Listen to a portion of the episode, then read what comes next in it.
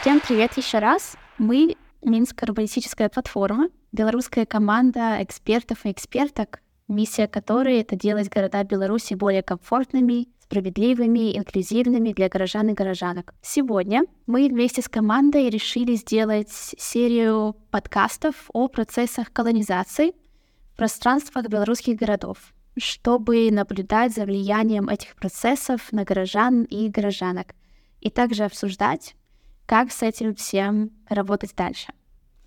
Мы рассуждаем о теме деколонизации, которая на данный момент все еще не до конца изучена. И мы выбрали рамки Советского Союза, так как это все-таки наша недавняя история, которая очень тесно переплетается с тем, что происходит сейчас. Меня зовут Яна. Вы со мной уже встречались. Я рассказывала о понятии колонизация мы с моей коллежанкой Машей обсудим возможные направления работы в процессе деколонизации городских пространств, архитектуры и других компонентов белорусских городов. Всем прывітанне на жаль там каланізацыя закранула нас з маёй каліжанкай персанальна Таму мы не гаворым добра на беларускай мове і мы не можам вымяркоўваць такія складаныя тэмы Але я спадзяюся, што ў наступны раз мы будзем здольны уже цалкам правесці размовы на беларускай. Важно сказать, что мы сегодня и вообще время нашего проекта собрались больше самим узнать про тему и не позиционировать себя как эксперток в этой области.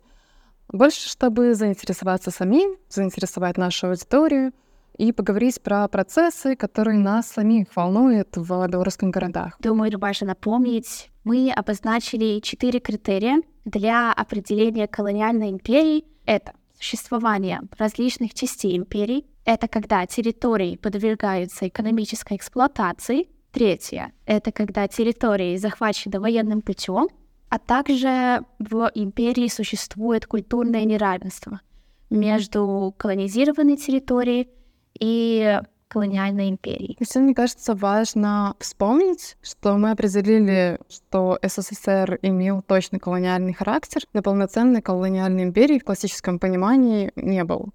И признаки, про которые мы можем говорить в рамках определения СССР как империи с колониальным характером, мы можем называть, что были разные части государства, которые были в неравных отношениях, и была вертикаль со стороны центра с Москвы. Можем говорить про экономическую эксплуатацию территорий, которые были колонизированы, и мы можем говорить про культурное неравенство.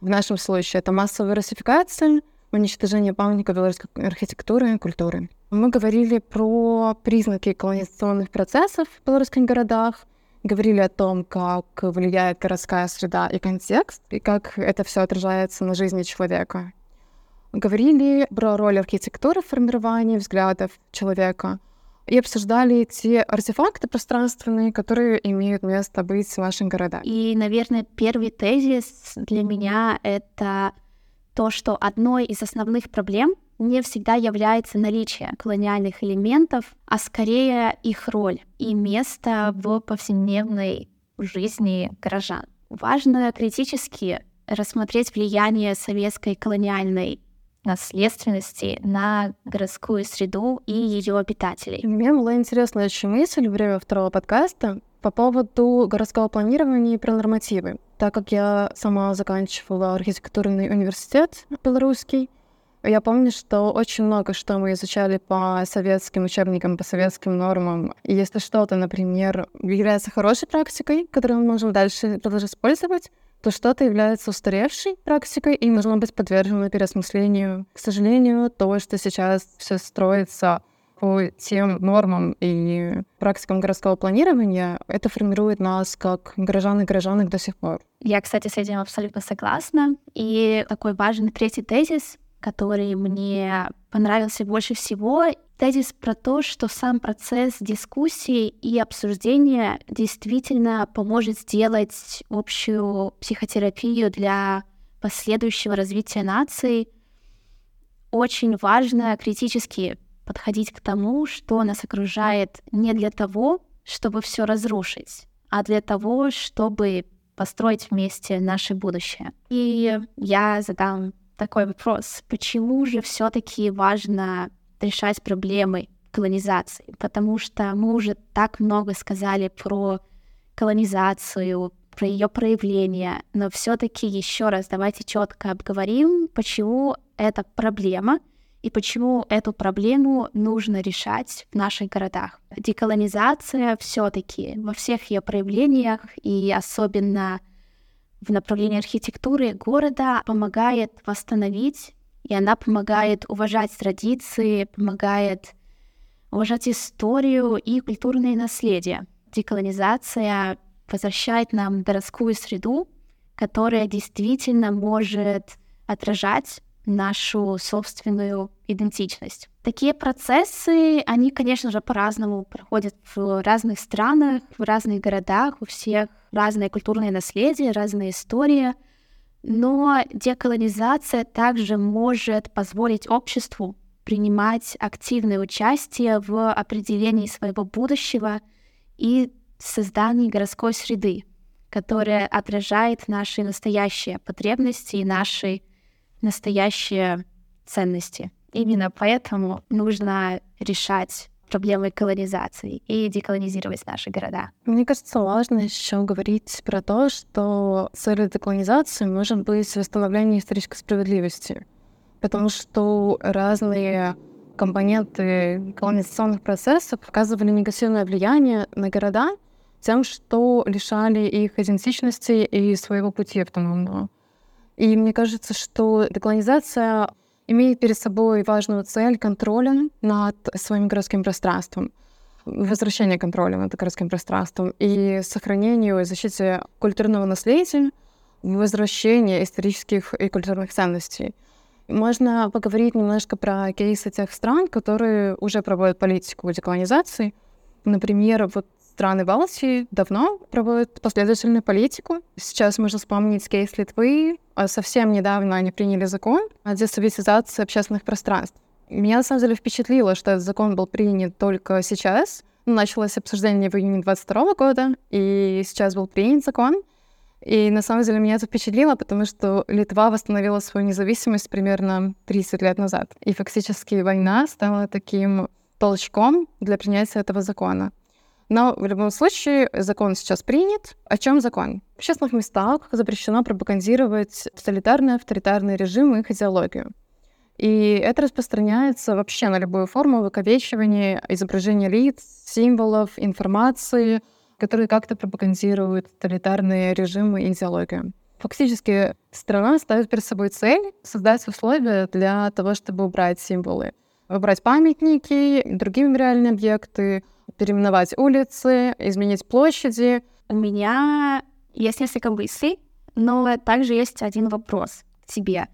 Насколько строгий этот кейс, например, вдруг какой-нибудь общественный объект, то есть там либо здание, либо скульптуру, либо просто знак, не захотят удалять из общественного пространства? Будут ли с ним что-то делать другое? Если будет принято решение совместно, например, какого-то государственного управления и общественности, что объект не надо удалять, то его могут использовать дальше, но при условии, что рядом будет информационная табличка, на которой будет указано про последствия режима и вообще про то, что этот объект появился, ну, в какой период появился объект и какой ценой, мне кажется, что такое информирование может сильно помочь при, например, романтизации советской архитектуры. Слушай, и еще, наверное, этот запрет не будет распространяться на музей, либо же выставки о тоталитарных режимах, правильно? Да, да, конечно. Музеи, архивы, выставки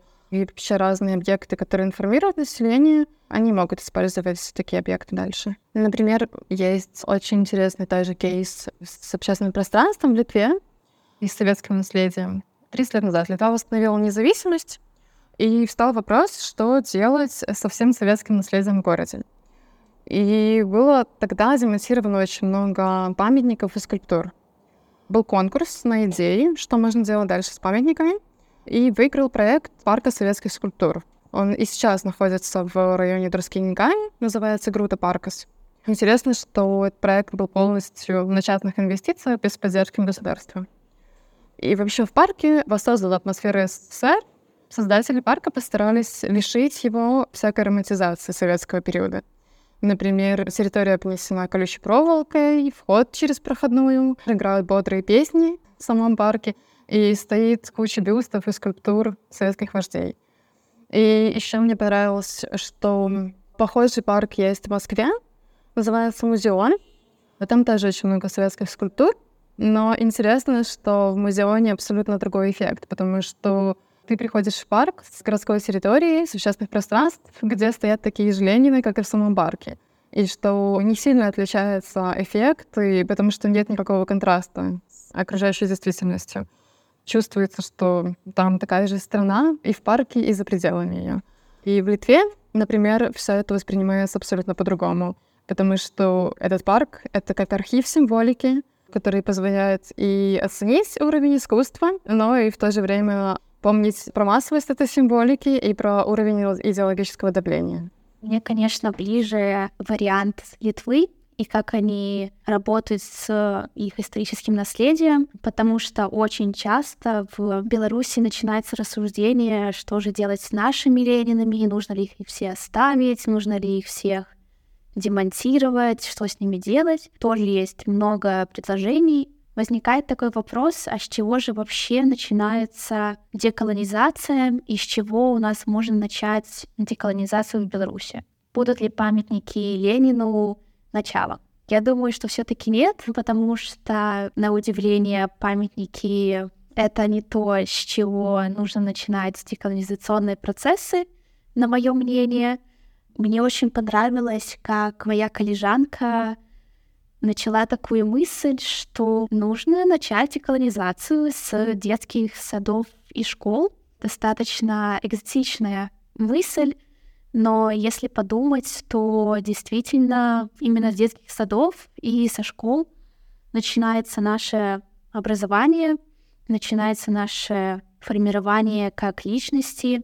И если мы начнем с самых ранних ступеней, да, шагов, то нам будет легче уже потом делать какие-то изменения в старшем возрасте. То есть те дети, которые уже прошли через новую систему образования, которые учились в современных школах, наверняка у них уже будет меньше вопросов, что делать с Ленинами. Согласна, но у меня такой вопрос к тебе. Если мы начинаем с системы образования, то стоит ли работать с внешним обликом зданий? Потому что я, например, училась в, и в детском саду, и в школе с абсолютно типовыми советскими проектами. Стоит ли их менять внешне, чтобы менять систему, чтобы менять систему образования, или мы как-то сможем растить новое прогрессивное поколение в окружении советских зданий, советских металлических горок. Мне бы, конечно, хотелось, чтобы оба эти момента и изменение образования, и сам облик наших советских детских садов и школ. Это все одновременно поменялось, но думаю, это будет сделать достаточно сложно, поэтому я бы сказала, что нужно начать все-таки с перестройки самой системы образования, а потом уже действительно сносить эти металлические горки на территориях. Мы знаем, как урбанисты, как архитекторы, то, что общественное пространство, оно действительно влияет на нашу повседневную жизнь, оно формирует нас как горожан и горожанок, но если уже меняется, то нужно начинать с самого начала, а не с внешнего вида, я так думаю. О чем нам важно еще сегодня поговорить, это об изменении нарратива и как вообще многие постсоветские страны пришли к деколонизации, пришли к тому, что они отказываются от своего советского наследия, и почему все еще даже там в Литве и Латвии есть люди, которые абсолютно против сноса памятников советским лидерам, например. И вопрос, все ли советское плохое? И где эта грань между романтизацией советской архитектуры и поиском своего пути. Я думала для себя, что все-таки романтизация советской культуры — это про такое положительное отношение к стилю зданий, Для кого-то, там, для старшего поколения, возможно, это даже про ностальгию, но в то же время поиск своего пути и деколонизация городского пространства, они предполагают критическое осмысление и переосмысление существующих структур и норм. А деколонизация включает в себя анализ и понимание того, как все-таки наше наследие, хоть и колониальное, может оказывать влияние на нашу городскую среду. Не только на среду, но еще и на социальную структуру и идентичность. Поэтому поиск своего собственного пути, своего облика города, он будет включать в себя такую разработку новых, более инклюзивных и справедливых подходов к городскому развитию. При таком поиске себя и своих белорусских городов очень важно учесть местные потребности и культурные особенности. Очень важно уже сейчас начинать работать с нашим наследием и не идеализировать его, потому что, как ты, Маша, раньше сказала, место истории все-таки в музеях или других отдаленных от города местах. Тот же парк в Москве со скульптурами, парк и музей в Вильнюсе очень хорошие этому примеры. Очень важно работать с наследием и очень важно сместить фокус внимания исторических событий из центра те же музеи. Потому что когда, например, Ленин стоит на площади в центре абсолютно любого города, то сложно его не заметить. А если Ленин стоит в музее на краю города, то ты уже сам выбираешь, смотреть на него или нет хочется тебе сегодня проникнуться историей или нет. Поэтому важно смещать фокус. Да, я согласна с тобой абсолютно, и мне кажется, что важно еще понимать, какой ценой все это было построено, например, та архитектура советского периода, которой мы восхищаемся, что там, где находится проспект, что могло находиться раньше, какая историческая часть города. Важно проводить это формирование и образовывать все это направлении. Я еще думала всегда про то, что если мы рассматриваем реально, что много чего убираем из города, то как будто бы это советская архитектура и все, что сложилось советской у нас в городах, это как бы частично и наше наследие тоже. И если мы будем его полностью убирать, избавляться, то как будто бы на нее нужно будет опираться в своих воспоминаниях. Но кажется, что очень важным этапом процесса деколонизации является переоценка исторического нарратива. Потому что в результате колонизации очень часто этот нарратив может быть представлен искаженно или однобоко. И вообще, мне кажется, что деколонизация — это абсолютно долгий процесс, долгосрочный и требующий больших системных изменений, как в образовательной системе, так и вообще во всей политике государства. Что важно сказать еще, что перед тем, как думать, какие инструменты применять и какие элементы городской среды деколонизировать, важно очень обсудить и дать критическую оценку историческим событиям и периоду. Потому что благодаря этому мы сможем определить ценность тех элементов и объектов, которые есть в городской среде, и обязательно нужно прийти к тому, чтобы обнаруживать утраченные исторические элементы и думать над тем, как их восстановить и возможно ли это. Мне кажется, еще очень важно прийти к плюс-минус единому мнению и единой оценке и событий, и важности того, что стоит оставить. Как я уже говорила выше, важно, конечно, проводить информирование и образованность в историческом и культурном плане, потому что это как раз те действия, которые можно делать уже сейчас — тот момент, когда изменение будет возможно, мы уже все обсудим к этому моменту, и будем примерно плюс-минус в едином мнении находиться, и будем знакомы с проблемами и возможным решением. То есть я правильно понимаю, что мы, конечно же, не собираемся ничего демонтировать, мы просто хотим дать дать, рассказать реальную историю появления каких-либо архитектурных объектов, либо пространств в городе. Правильно? Да, обязательно давать оценку тому, что находится в городе. То есть я думаю, например, совсем немногие знают, какой ценой Минске построили проспект, либо же какой ценой у нас сейчас выглядит Немига современная и какой она была раньше. Очень мало сейчас в Минске табличек таких исторических, которые рассказывают, например, что было раньше в этом доме, кто жил в этом доме, какая у него ценность, либо же как раньше называлась та или другая улица. Очень мало таких мест, и мне бы очень хотелось сделать это нормальной практикой, дать нашим местам, зданиям второй шанс и дать им важность и ценность. Так как есть много инструментов да, для работы с элементами колониальными, советскими. Почему-то в основном мы говорим про демонтаж, да, разрушение, все сжечь, все снести, все, что было колонизовано, но это совсем не так. Мы не собираемся ничего сносить. Есть инструменты такие, как например, придание новых смыслов объектам, есть нейтрализация, не обязательно постоянно говорить про демонтаж. Даже если мы говорим про тех же Ленинов, да, их там реально сотни, если не тысячи по всей стране, и можно оставить, да, 10-15, которые несут в себе какую-то историческую ценность, ну, а все другие действительно демонтировать и перевести. Поэтому нужно аккуратно подходить к этим процессам, не снося, а реально переосмысливая и очень-очень много обсуждая друг с другом и с обществом. Можем, наверное, вообще более подробно сейчас поговорить про то, что важно решать в белорусских городах, и можем, наверное, пройтись с тобой по колониальным признакам и обсудить, что с ними возможно делать. Потому что на самом деле то, что мы сейчас будем обсуждать, какие пункты и какие признаки, а много из этого уже меняется или менялось раньше, и некоторые изменения уже происходят. Давай их разберем и давай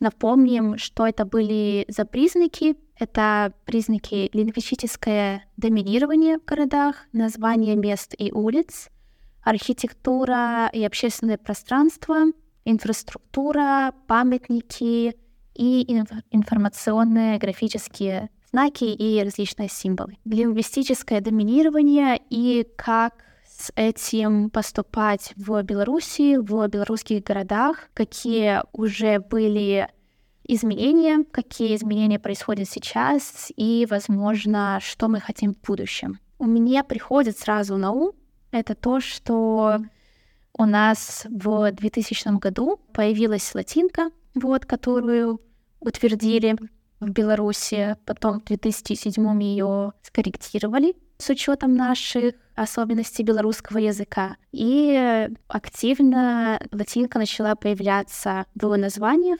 наших общественных пространствах, на указателях, в метро. Особенно, мне кажется, я даже помню момент, когда появилась латиница, и я была немного в шоке. Поэтому переход с русского алфавита на латиницу можно считать таким моментом белорусизации все-таки. И э, то, что очень важно иметь в наших городах. Я знаю то, что сейчас латиницу запретили. Надеюсь, она к нам вернется. И второе лингвистическое доминирование, которое у нас было в городах, это опять же, количество русского языка. Я сама говорю на русском, но все-таки где-то с 2014 до 2019 года у нас была мягкая белорусизация. Это когда многие места, кофейни, кафе-рестораны начали более активно пользоваться белорусским языком, когда появились разного рода одежда тоже с белорусскими орнаментами, либо со словами в целом, общество начало более активно разговаривать на белорусском языке, переходить на белорусский язык. Никто этому особо не содействовал со стороны государства, например, но также и не запрещали. Поэтому белорусизация мягкая скажем так. Мне кажется, про российское влияние можно еще говорить, когда мы говорим про топонимику белорусских городов. Например, по статистике за 2017 год, но мне кажется, что с тех пор не то чтобы сильно что-то поменялось в центре, конечно, за счет пригородов может быть, но вот в 2017 году в Беларуси было в 10 раз меньше улиц, названных в честь национальных деятелей, чем в честь российских или советских деятелей. А еще меня впечатлила цифра, что в Беларуси общая протяженность улиц Ленина 440 километров. А, например, улиц, названных в честь Франциска Скорины, меньше, чем 50 километров. И то же самое можно сказать про советские улицы, которых 700 километров по всей Беларуси а улиц независимости всего 40. Можно вспомнить примеры, когда были какие-то изменения предприняты.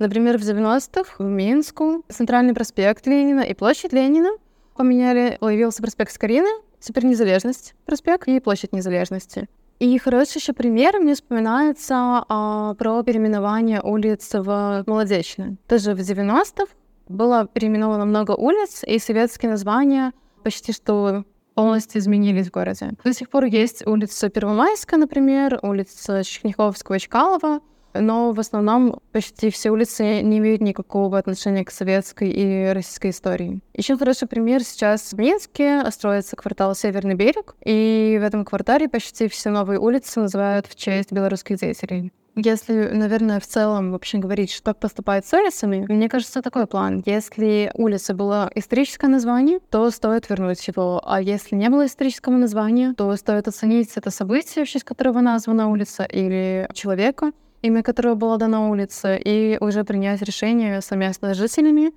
потому что очень много спорных случаев. Например, когда улица названа в честь выдающихся деятелей культуры, ну, например, который сотрудничал с Советским Союзом. Понятно, что делать с конфликтными улицами, непонятно, да, там Советский Союз, связи, а что, например, делать с улицами, которые нейтральные, но которые также несут в себе такой советский вайб, например, там, улица железнодорожников, либо улица космонавтов. Считаем ли мы это советским наследием, потому что названия в себе ничего такого не несут? Либо же мы это оставляем, и нам с этим нормально. Это очень интересная мысль, потому что, да, действительно, когда будет процесс изменения советского наследия, то, мне кажется, будет большая серая зона вот с этими топонимами, которые не связаны как-то с именами деятелей или событиями. И получается, что сами по себе они не опасные, но напрямую связаны вот со строительством этого общества советского и напрямую связаны с построением идеологии, с планированным советским наследием. Например, улица строителей, да, космонавтов, железнодорожников, ты сказала. Наверное, тогда, например, если мы решаем оставить улицу космонавтов, то стоит вводить новые улицы, например, улицу СММщиков. В общем, да. Спасибо. Мне кажется, нужно первую очередь посмотреть, есть ли у него историческое название, если оно всех устраивает, то можно изменить. Если не устраивает, то да, назовем современный лад эти улицы. Да, можем пойти дальше и поговорить немножко про архитектуру и общественное пространство. Мне кажется, что, честно говоря, этот вопрос очень сложный, потому что здесь предложить какие-то общие быстрые решения невозможно.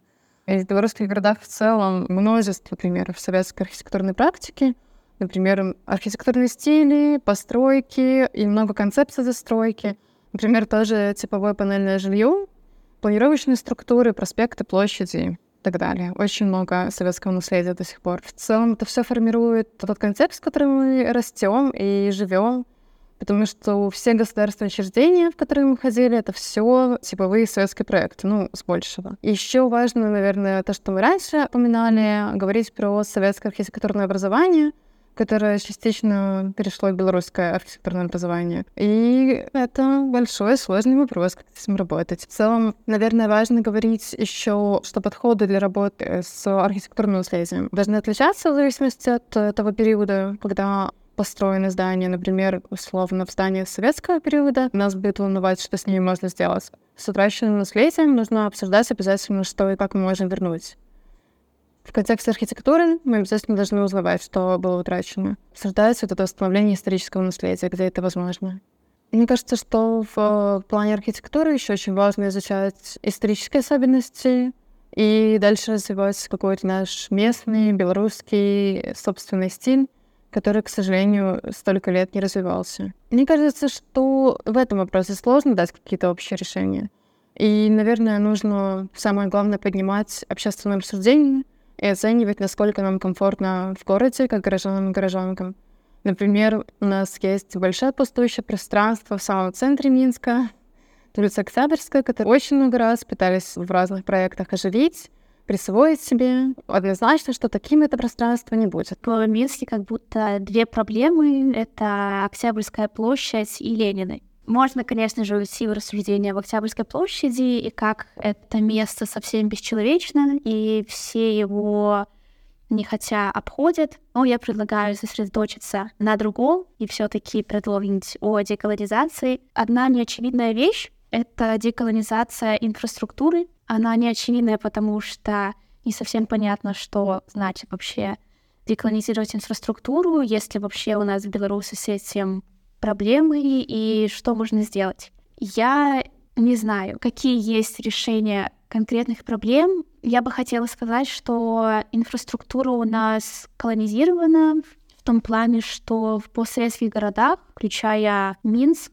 и другие белорусские города, существует на сегодняшний день все еще централизованная и автомобильно ориентированная система транспорта, которая обычно приводит к пробкам, загрязнению воздуха и, конечно же, отсутствию доступности для пешеходов и велосипедистов. Когда я говорю о деколонизации инфраструктуры, я не говорю то, что нужно все разрушить и убрать автобусы или советское метро. Я имею в виду то, что деколонизация инфраструктуры поможет включить в себя развитие общественного транспорта. Деколонизация — это про продумывание пешеходных зон, про включение велосипедных дорожек в наш город и создание других общественных пространств, которые нам комфортны. Именно под этим я подразумеваю инфраструктуру в наших городах. Нужно дальше пойти к вопросу, который обычно всех волнует. Что же делать с памятниками?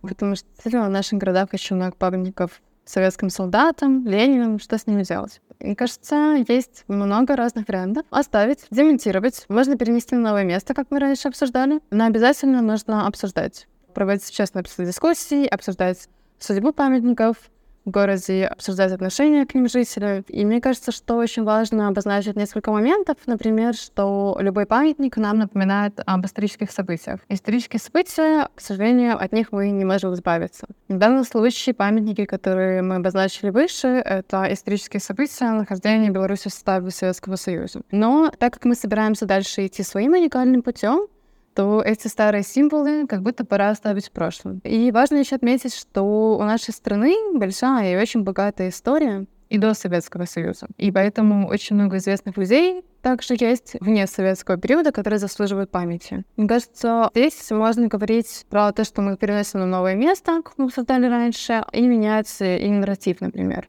Если есть какой-то танк, то мы можем менять его цвет, например, в зависимости от каких-то дат, как мы уже придумаем, или как-то украшать эти памятники по-другому, или работать с какими-то арт-практиками. В общем, можно по-разному подойти к работе с таким наследием. Я согласна с тем, и мне тоже нравится идея перекрашивания всяких памятников, давая им другие смыслы, либо снимая с них серьезность эпохи, и особенно очень много практик там в других э, странах Балтии. Думаю, мы найдем что-нибудь интересное для нас, когда придет время. И я бы хотела сейчас упомянуть один маленький момент. Это последний признак о наличии знаков и различных символов в нашем советском пространстве, постсоветском. Я думаю, мы все замечаем Например, в Минске, где я выросла, присутствует до сих пор серп и молот, например, на зданиях университетов, либо же я очень люблю серп и молот на станции метро Ленина. И по-хорошему, да, когда мы деколонизируем пространство, это нужно убрать из центра, как я уже раньше говорила, и перенести историю в архивы и музеи, где она принадлежит. Но с другой стороны, например, если убрать серп молот со станции метро Ленина. Там останется такой либо шар и пустынь. И будет не совсем понятно, что происходит, и точно будет не доставать этого элемента. Мне сложно сказать, стоит ли конкретно все убирать, конкретно на этом примере. Опять же, повторюсь, символов у нас советских достаточно много по всем городам. Нужно подходить к каждому моменту индивидуально, и смотреть, будет ли это изменять сильно облик архитектурного сооружения, либо нет. Я бы хотела с тобой, Маша, поговорить про вызовы и препятствия на пути к нашей деколонизации городов. Можно, наверное, первое отметить, что важно, наверное, уточнить при процессе деколонизации, кто в итоге принимает финальное решение. Вот ты говоришь, убрать какой-то элемент в архитектуре. Что, если общественность будет против? Как это решается, то в итоге будет принимать решение. Мне кажется, это важный момент, который стоит решить перед началом всех процессов. Например, что в Литве это организовано таким образом, что созданы специальные комиссии, которые определяют важность и ценность архитектурных элементов, архитектурных зданий, сооружений и так далее. Опять же, когда есть политика деколонизации, и когда начинается активное переименование мест, изменение архитектурных обликов, перенос памятников, все такое, опять же, супер важен разговор с гражданами, с, особенно с местными людьми, которые живут, например, на улице, которую собираются переименовывать. Да, Советский Союз ушел в прошлое, да, мы все хотим развивать город, сделать его более инклюзивным, но, например, все на этой улице, на улице Космонавт, не хотят изменять название. Я думаю, это очень деликатный момент, который стоит сильно обсуждать, но и не быть агрессивным.